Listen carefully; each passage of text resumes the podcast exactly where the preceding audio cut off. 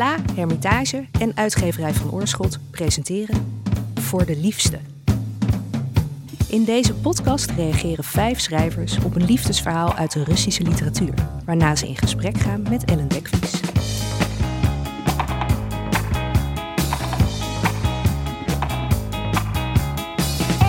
Liefdesverhalen zijn van alle tijden. En in deze aflevering reageert Massi Hutak op Oblomov van Ivan Goncharov.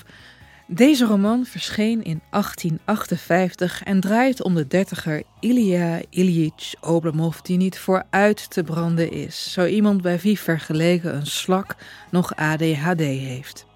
Gelukkig voor hem kan hij zich dat dankzij zijn erfenissen permitteren.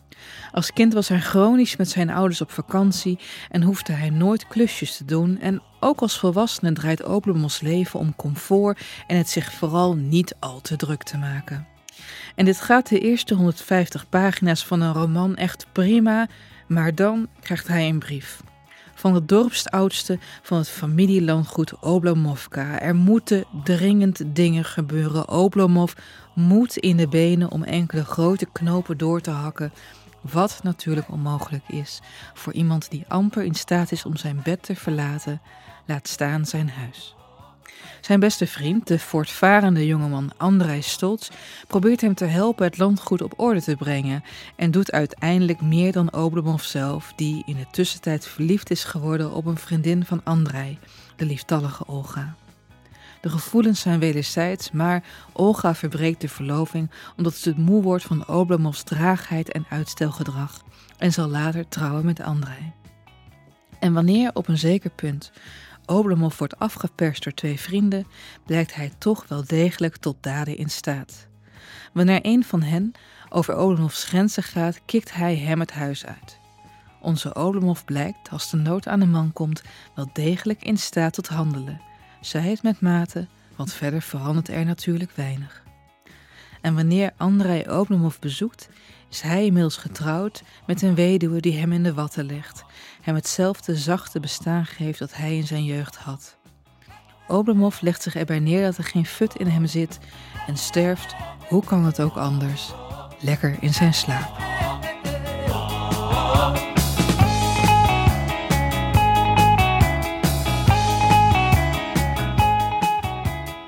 Je luistert naar Obi en Olly, de reactie van Massi Hurtak op Oblomov van Goncharov.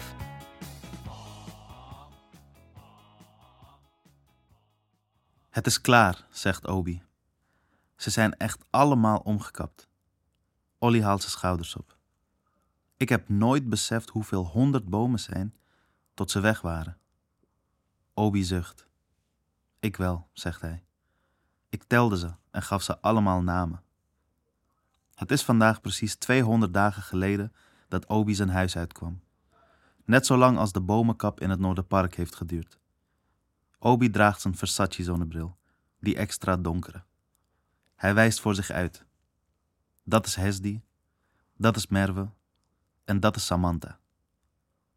Obi en Olly kijken vanaf de Noorderparkbrug over een groot veld. Hier en daar ligt nog een afgekapte boomstronk als ledemaat op een slagveld. Olly probeert een spandoek los te peuteren van de ijzeren bladeren die samen de versiering van de brugleuning vormen. Ooit bedoeld als lijm tussen de twee losgelegen delen van het park. Vandaag een symbool van de verdeeldheid. Op de spandoek staat kappen met kappen. Met daaronder de snelweg en de eitunnel als een soort tijdmachine die iedereen vroeg of laat opzuigt en uitspuugt aan de andere kant. Overal behalve waar deze mensen thuis horen. Amsterdam Noord. Ga je me nog helpen of uh, vraagt Olly. Obi begint ook te peuteren aan de touwtjes van het spandoek. Zijn spandoek, dat hij thuis maakte en het Olly liet ophangen om in de laatste tien dagen toch nog iets van weerstand te bieden tegen de kap. Niet wetende dat Olly het pas een paar dagen geleden ophing, omdat hij zich ineens realiseerde dat Obi binnenkort weer naar buiten zou komen, toen het eigenlijk al te laat was. Als je goed kijkt, zegt Olly, dan zie je de bladeren op de brug heen en weer waaien. Als je goed kijkt, reageert Obi, dan weet je dat bladeren niet eindeloos heen en weer waaien, maar neervallen en worden vertrapt. Net zolang totdat ze oplossen en verdwijnen, alsof ze er nooit zijn geweest. Olly haalt de touwtjes los en rolt zijn kant van het spandoek op. Jij leeft van verandering tot verandering, bijt hij Obi toe.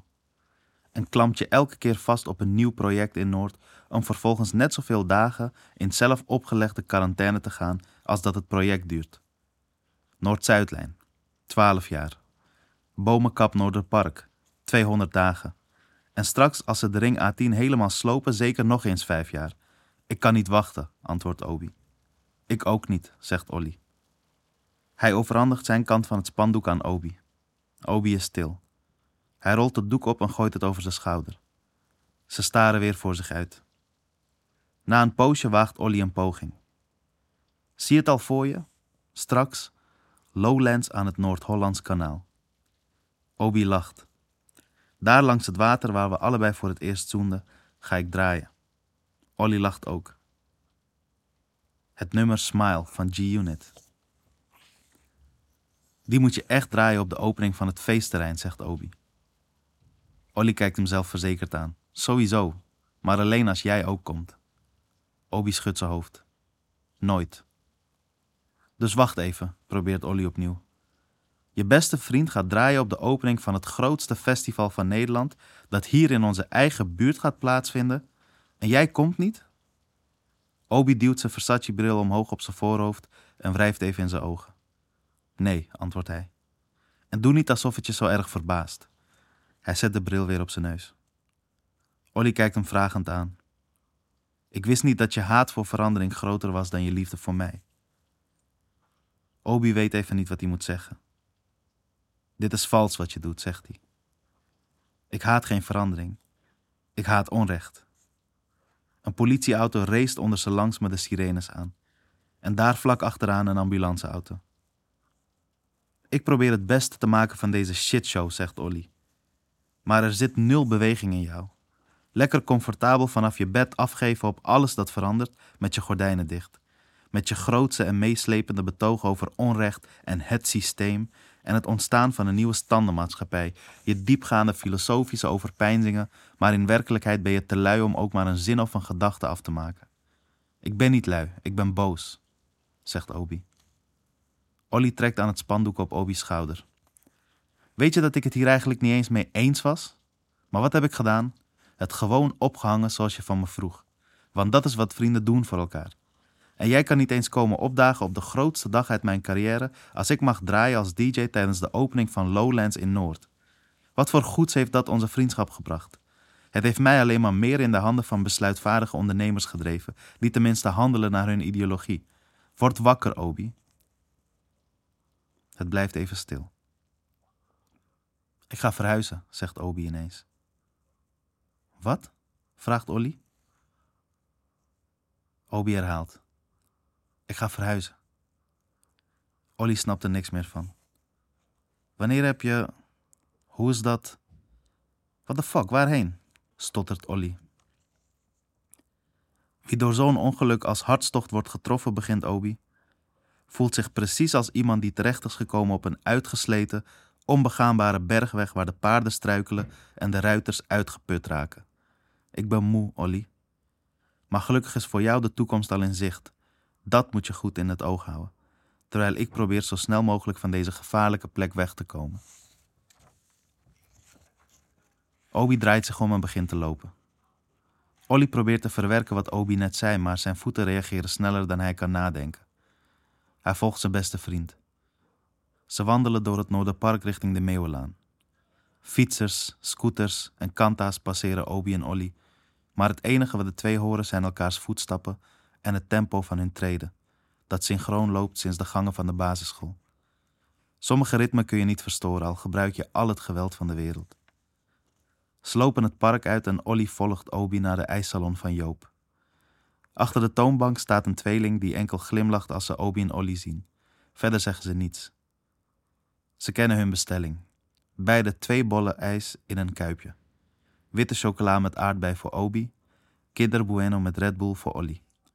Allebei met slagroom en een wafel. Obi en Olly lopen even stil de ijssalon uit als dat ze binnenkwamen.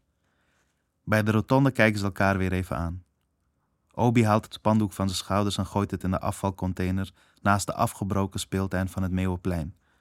Daar staan hekken omheen met een bord waar de nieuwe speelplek staat afgebeeld.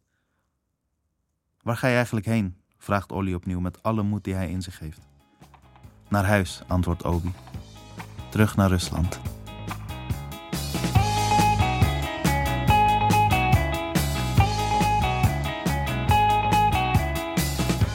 Massie, welkom. Dankjewel.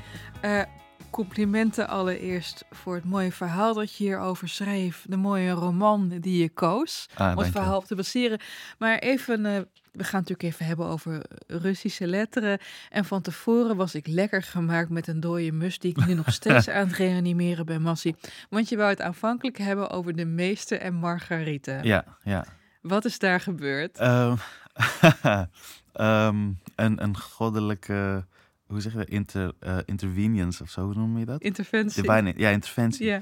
Um, nee, ik, ik had in eerste instantie dacht ik aan de meester Margarita, want dat is het eerste waar ik aan denk. Een van de eerste boeken als het over Russische literatuur gaat. Dat was het eerste, uh, de eerste Russische roman die ik las. Ja. En uh, die me nog steeds behoort tot een van mijn favoriete boeken ooit. Hoe oud was je toen je hem voor het eerst las? ik denk 16. Wauw, oké. Okay. Ja, maar dat, dat is dus echt met dank aan uh, René Gude, die ook in Amsterdam-Noord woonde to, toen, toen hij nog leefde. En bij wie ik langs mocht komen, met wie ik een vriendschap heb opgebouwd en die mij dat boek gaf.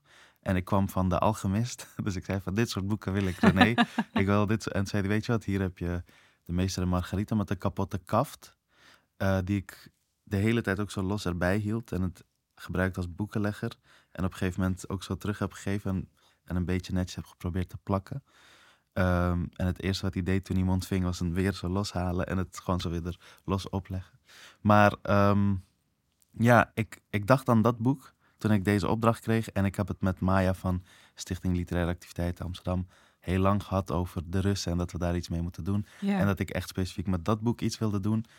En op een gegeven moment um, ging ik hierover nadenken en dacht ik, dit verhaal wat ik wil vertellen, lijkt veel meer, is veel meer Oblomov. Uh, vertel eens even, jij was begin twintig toen Ja. je deze roman las.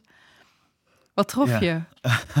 Ehm, ja, toch wel dat. Gewoon dat, je, zeg maar, dus iemand die ehm, liever lui is dan moe. En vanuit die positie de grootste, meeslepende filosofische overpeinzingen doet en deelt. Ehm, en zich dat kan veroorloven. Dat is hetgeen wat ik waar ik me niet in kon herkennen, zeg maar. Dat, dat, je, dat je het je kunt veroorloven. Maar ehm, ja, wederom gewoon die brutaliteit van een schrijver en van een personage om zo tegen alles in te gaan. En ehm, in die keuze merk je ook wel waar ik was in mijn eigen volwassenwording. Dat ik dat heel, dat dat me heel erg aansprak. Van lekker, weet je, lekker recalcitrant en tegendraads. Maar gelukkig is het meer dan dat. Want na die 150 pagina's, op een gegeven moment handelt hij wel degelijk. Er zijn meerdere momenten waar hij toch wel handelt. En eh, wat me trof was eh, de vriendschap tussen Oblomov en Stolz. Eh, de liefde tussen Oblomov en Olga.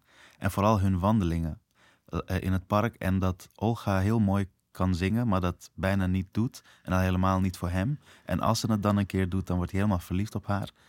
En dan eh, wandelen ze dus en ze pakt steeds, ze grijpt steeds naar zo'n specifieke tak, wat in dat park dus heel veel voorkomt.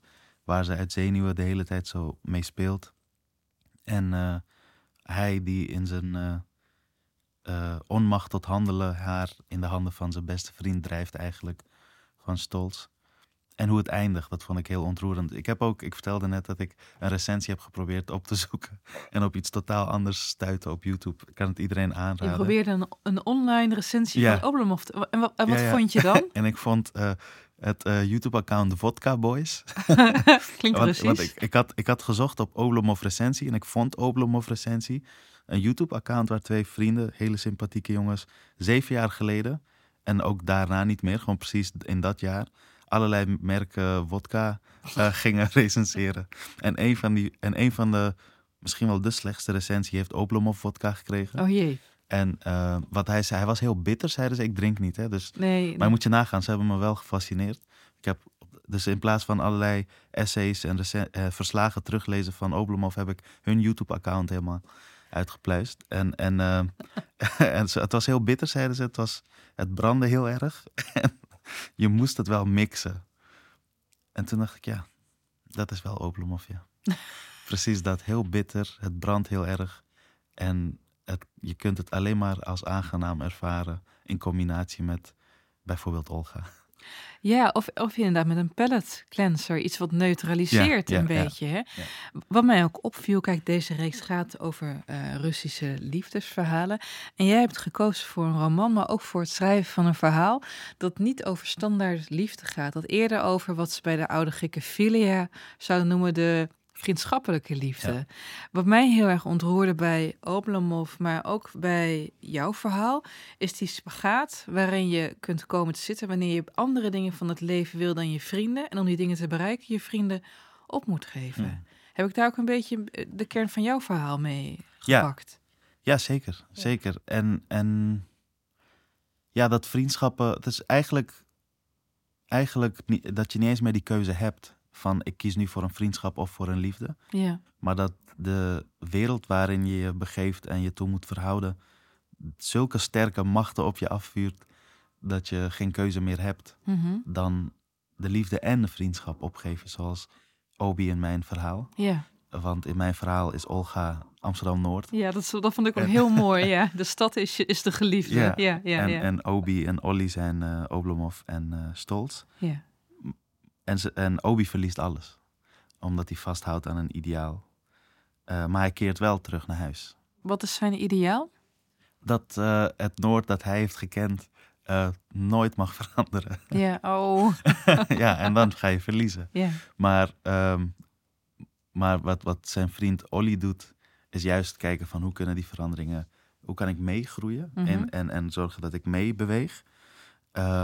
En die vaart er wel bij, die, dat is, hij is een DJ en die, gaat, eh, die mag draaien op de opening van Lowlands aan het Noord-Hollands kanaal. Dat is ook een beetje, is hij een beetje een Judas ook, hè? Een opportunist, of En- niet? Ja, ja. nou ja, ik, ik neem het hem niet kwalijk. Je begrijpt het wel. Ik, ik begrijp ze beide. Ik Ja. begrijp ze beide. En ze zijn ook eh, de twee stemmen in mijn hoofd. en eh, ja. Ja, dus dat. Er, er vindt de afgelopen jaren ook op landelijk niveau best wel een strijd plaats. Wat is Nederland? Ja. Eh, van wie is Nederland eigenlijk iets... Daar zou Goncharov het niet mee eens zijn, maar wat veel literatuurwetenschappers ook in Oblomov hebben gezien, is dat het een strijd is tussen het oude aristocratische Rusland en dan in de vorm van zijn vriend Andrei Stolz, de socialistische eh, opperklasse. Het is eigenlijk inderdaad beweging en tegenbeweging. Ehm, als ik zelf kijk naar die oude Russische meesters, dan heb ik het vooral over de 19e eeuw, dan valt me daarbij ook op dat, er- dat er een extra soort liefde is. Je hebt natuurlijk de grote liefdesverhalen, meester Margarita, Ja. eh, Anna Karenina, wat meer een ja, trainwreck, letterlijk en figuurlijk, van een liefdesverhaal Ja. verhaal is.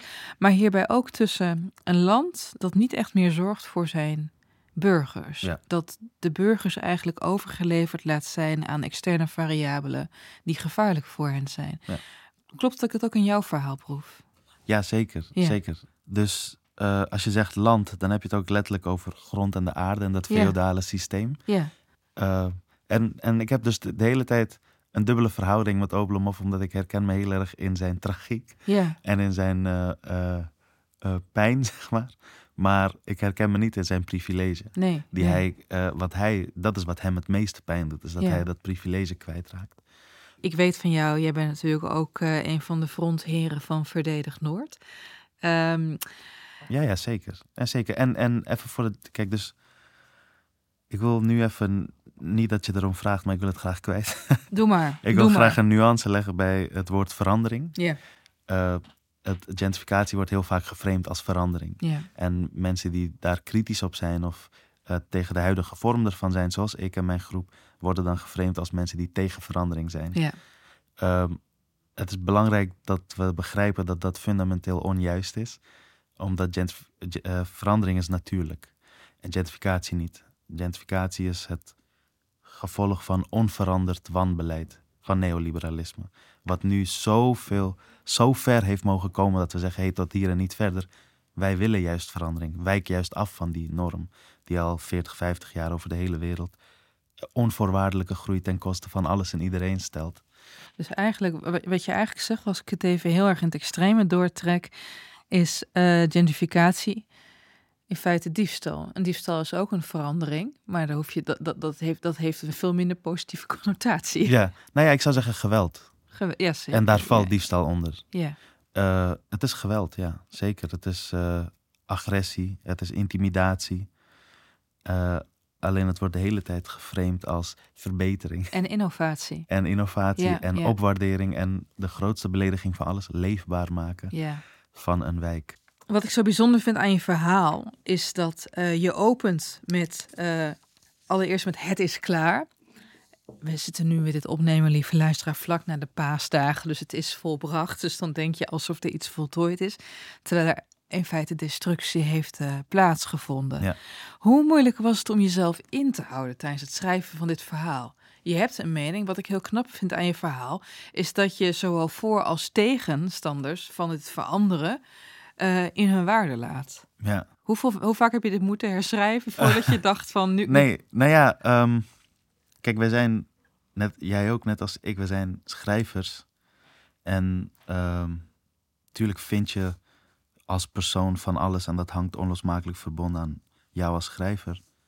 Maar je wil uiteindelijk toch ehm, de lezer het eindoordeel laten vellen. Als er al een eindoordeel moet ja, een geveld worden. eindoordeel inderdaad. Een ja, ja, eindoordeel. ja. Eh, ehm, dus dat, het, het was niet moeilijk voor mij om me in te houden. Het was moeilijk voor mij om te. ehm, ik heb me ingehouden met beginnen. Eh, eh, dus ik ben heel laat begonnen tegen de deadline aan, waar, Oh. waar ik wist van Ja. dit zijn. Ik, ik weet dat, dat de Oblomov mijn inspiratie gaat zijn. Ik weet dat ik het ga hebben over die bomen die gaan gekapt worden in het Noorderpark voor een evenemententerrein dat er moet komen. En dat ik het ga hebben over vriendschap. En eh, hoe, laat, hoe, later, hoe dichter bij de deadline ik dit ga schrijven, des te minder ruimte ik heb om Te eh, twijfelen. eh, te, nou ja, om andere dingen erbij te halen die kunnen afleiden. Oh, Ah. En, en, en ik wilde het heel graag concentreren op die vriendschap en op dat punt dat ik wilde maken. Dus, eh, want anders had ik dat gehad wat je net zei. Dan zou ik het heel, en dat heb ik eerder gehad, daardoor heb ik deze theorie voor mezelf bedacht. Oh. Van, ik kan me niet, anders niet inhouden om dan, weet je, gewoon heel, eh, ja, vanuit het hart. Te, ik heb sowieso vanuit het hart geschreven, maar alleen maar ehm, een, een manifest uiteindelijk, wat dit ook wel is. Ik, ik kan bijna niets anders deze dagen uit mijn pen krijgen dan een manifest. Want daar is zoveel behoefte aan.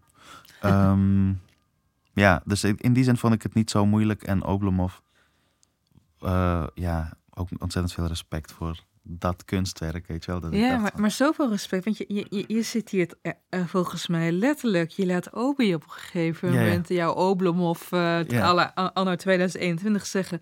Wie door zo'n ongeluk als hartstocht wordt getroffen, voelt zich precies als iemand die terecht is gekomen op een uitgesleten, onbegaanbare bergweg waar de paarden struikelen en de ruiters uitgeput raken. Ehm, maar zowel Olly als Obi hebben een zekere hartstocht. Het Ja. zijn conflicterende hartstochten, Ja. waardoor ze elkaar kwijtraken. Ja, ja en, en allebei vanuit hun voornaamste hartstocht eh, liefde voor Noord. Ja, En voor hun eigen positie garanderen in dat Noord. ja, Daarom begrijp ik Olly zo goed ook. ja. Dat ik denk van ja, koste wat het kost hier blijven. Als dat soms opportunistisch is. Ik veroordeel hem niet. Mhm. En helemaal als je die kans krijgt om nogmaals op dat Lowlands in, aan het Noord-Hollands kanaal een hoofd-DJ te zijn. Ja, dat is, dat is te gek. Maar ik begrijp Obi ook heel erg. En, en dat, is, dat zijn wel twee conflicterende hartstochten, maar eigenlijk geprojecteerd op éénzelfde liefde. En dat is hun liefde voor Noord. En eigenlijk zoals Oblomov en Stolz voor Olga. De grap is dat jij dit verhaal hebt geschreven. Er zit een activistische onderlaag in. Er zit een mening daarover in. Dat heb je ook bij veel oude Russische schrijvers. We hadden het eh, in ons voorgesprek ook nog even over Bulgakov, Ja. de meester, Margarita en zo. Eh, in hoeverre kan literatuur dat, die tegenstem bieden? N- zover als ze wil. Eh, zover als de schrijvers willen. Ja? Maar bedoel je met concrete resultaten, ook met co- consequenties? Ehm, ja, kijk, ik, ik geloof heilig in dat eh, de kunsten eigenlijk... We hebben het afgelopen tijd heel veel, of tenminste ik, Ja. hoor heel veel om me heen, de tegenmacht. ja, als je kijkt ja, naar de. Nederlandse politiek en Toeslagenaffaire. Het, en, en ook als je kijkt, dus waar ik het eerder over had, naar, op stadsdeelniveau gebeurt hier natuurlijk op hyperlokaal niveau precies datzelfde. Precies, ja. Dat eh, de bezittende macht geen tegenmacht kent.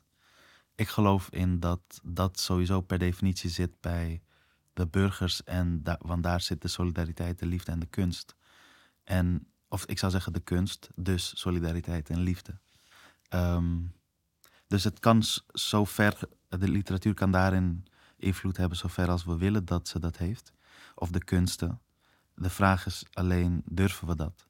En, en ehm, hoe, hoe zorg je ervoor dat je nog steeds, en dat is een vraag die ik aan mezelf stel, en ik heb er nog steeds geen antwoord op. De ene keer lukt het beter dan de andere keer, maar dat je in die kunst ook hetgeen waar je van houdt, net zoveel bezingt als hetgeen waar je tegen bent. En het liefst meer. Dus hou ik meer van wat ik wil beschermen in Noord dan hetgeen Noord bedreigt, dat ik dat haat, zeg maar. Mm. En, en ik, Die vraag komt ook in, in je verhaal Ja. terug als een vraag van je haat Noord meer dan dat je van onze vriendschap houdt. Ja, ja, precies dat.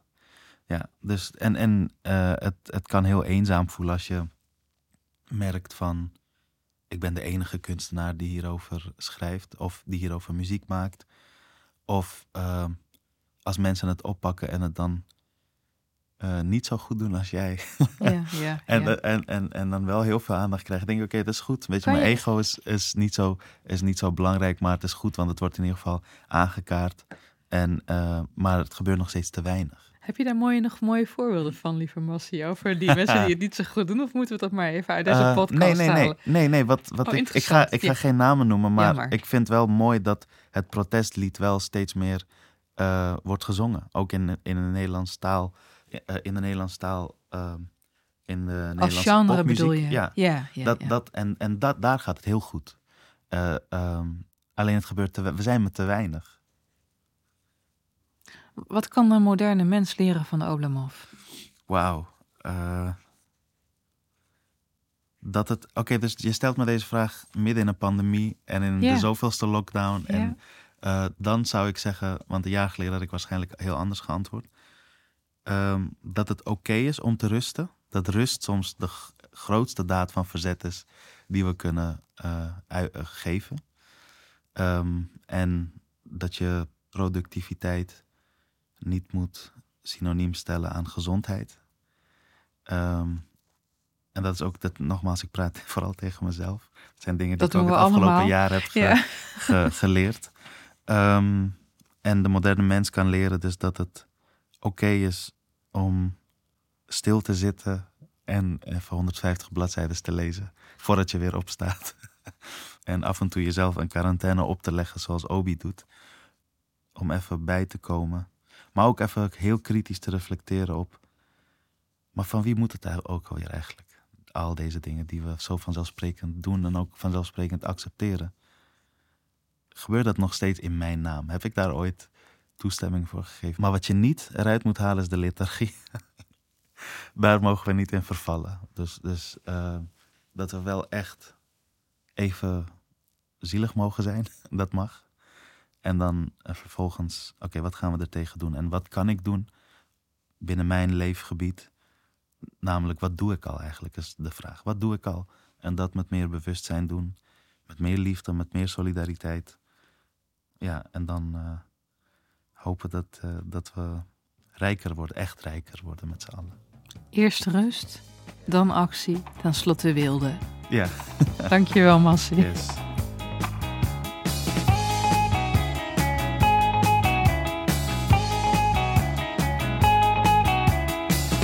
Je luisterde naar Obi en Olly, de reactie van Massi Houtak op Oblomov van Goncharov. Massi Houtak is schrijver, kunstenaar, rapper en columnist.